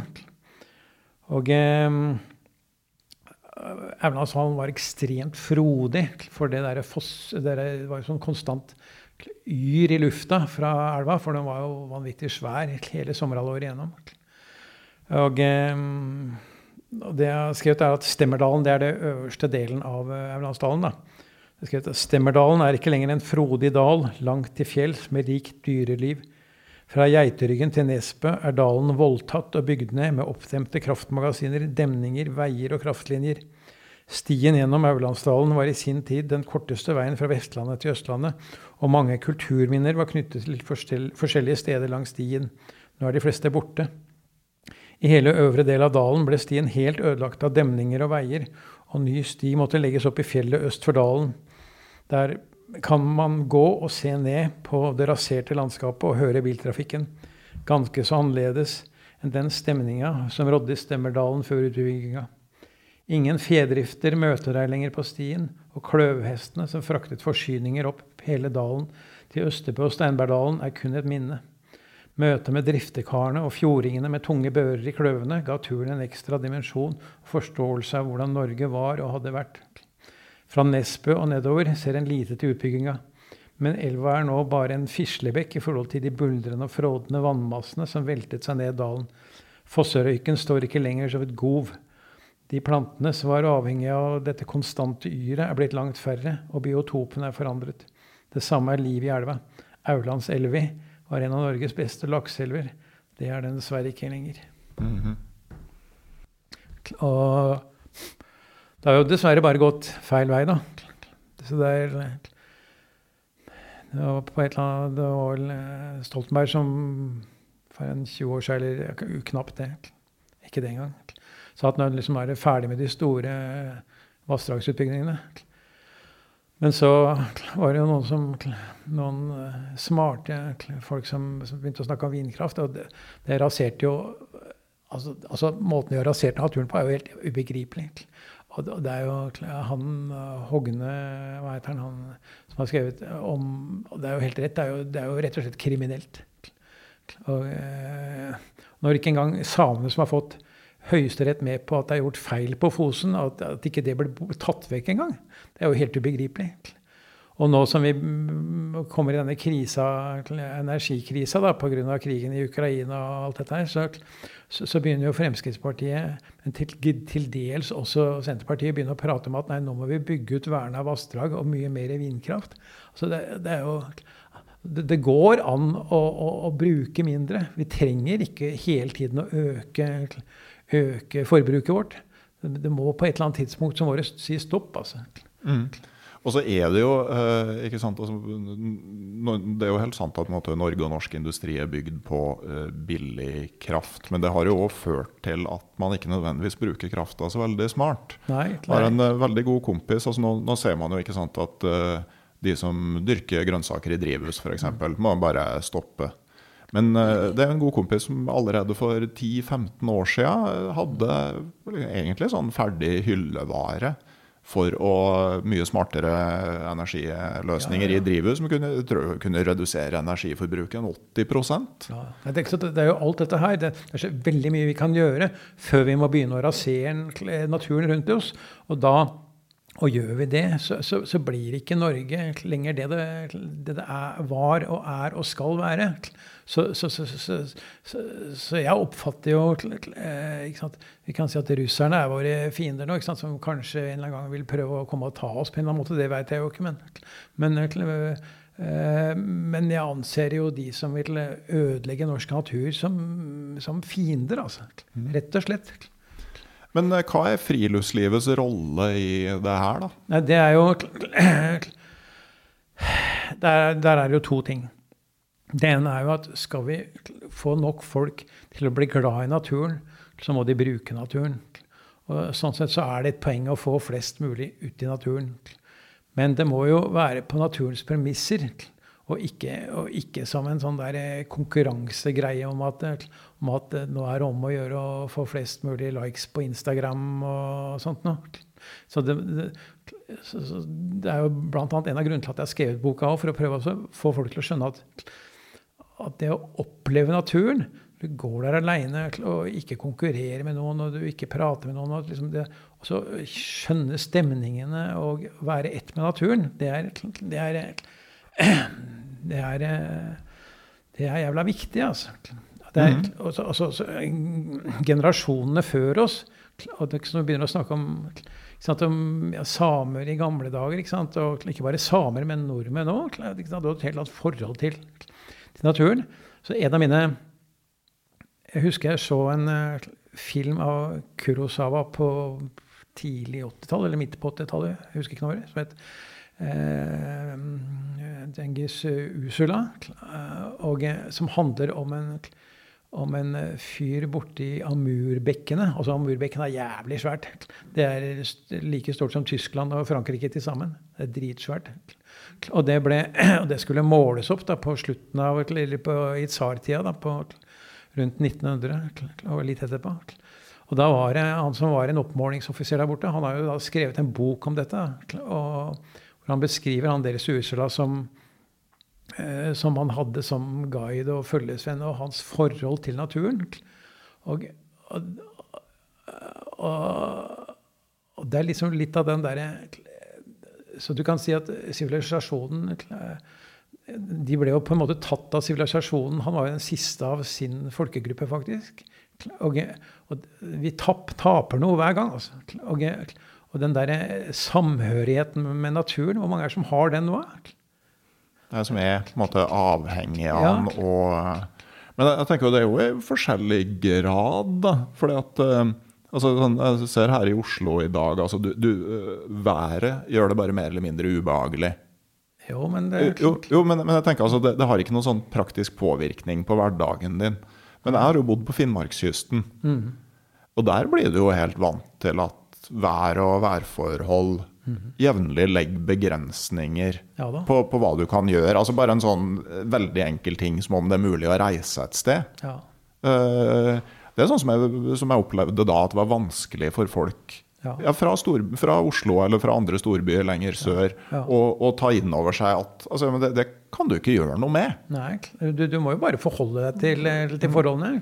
Mm. Men det er jo ikke Du kan jo alltid nesten altså Hvis du ikke altså Det er klart at bor du et sted hvor det overhodet ikke er trær, mm. og det blåser noe jævlig, så kommer du ikke ut av døra.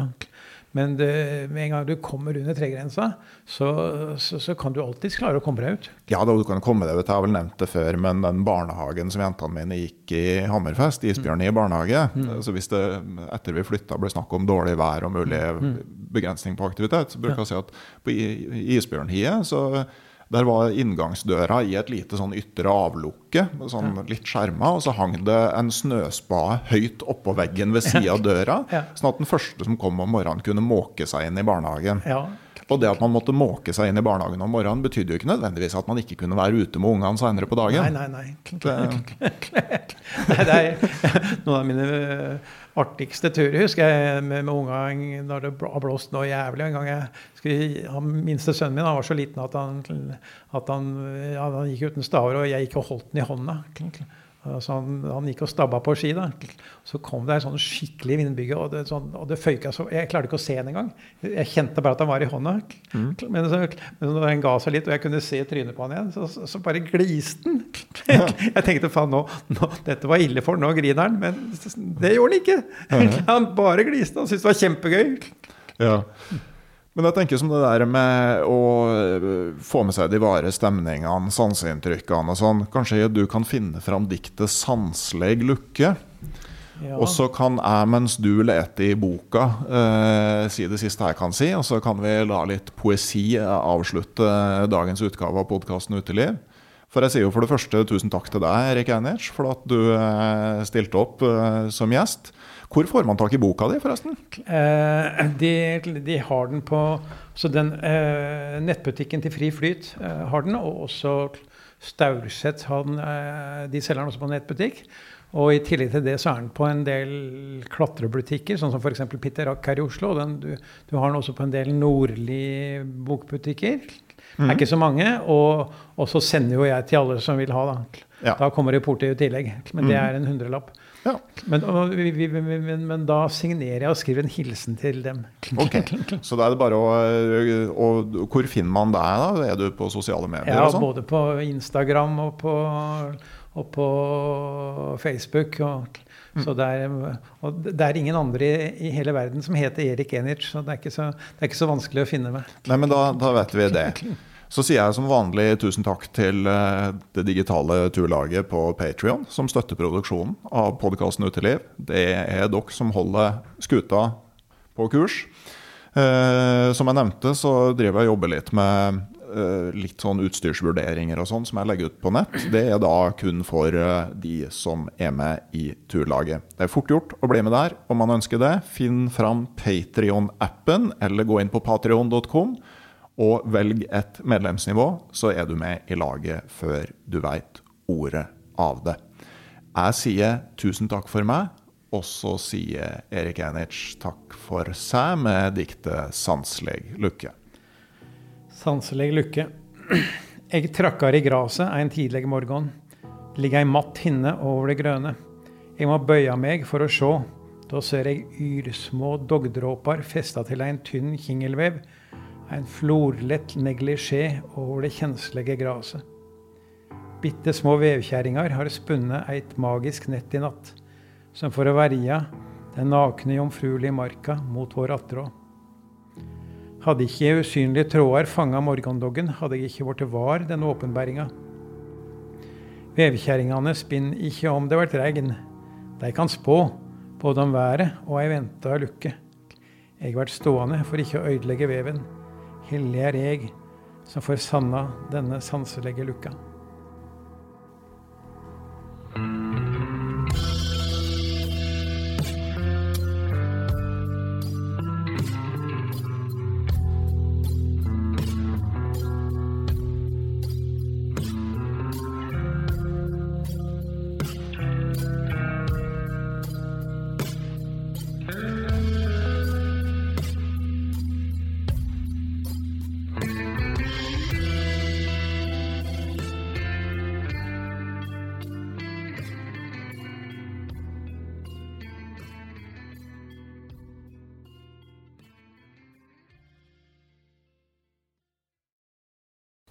Hei, jeg heter Nore Helligsen og er daglig leder i Barents Outdoor. Det beste vi kan gjøre for planeten, er å redusere forbruket vårt og få mer ut av det utstyret vi allerede har. Men vi vet av erfaring at bruken av telt kan endre seg over tid. Det teltet du kjøpte for to år siden, passer kanskje ikke det behovet du har i dag. Derfor har vi i Barents etablert en egen panteordning der vi tar imot brukte telt av god kvalitet i innbytte når du kjøper et nytt av oss. Prosessen er enkel. På barentsoutdoor.no gir du oss informasjon om teltet du vil bytte inn. Basert på det får du et tilbud fra oss som gir deg rabatt på ditt neste Barentsprodukt. Mer info og betingelser finner du på barentsoutdoor.no. Og husk at den første reparasjonen på produkter fra Barents er alltid gratis.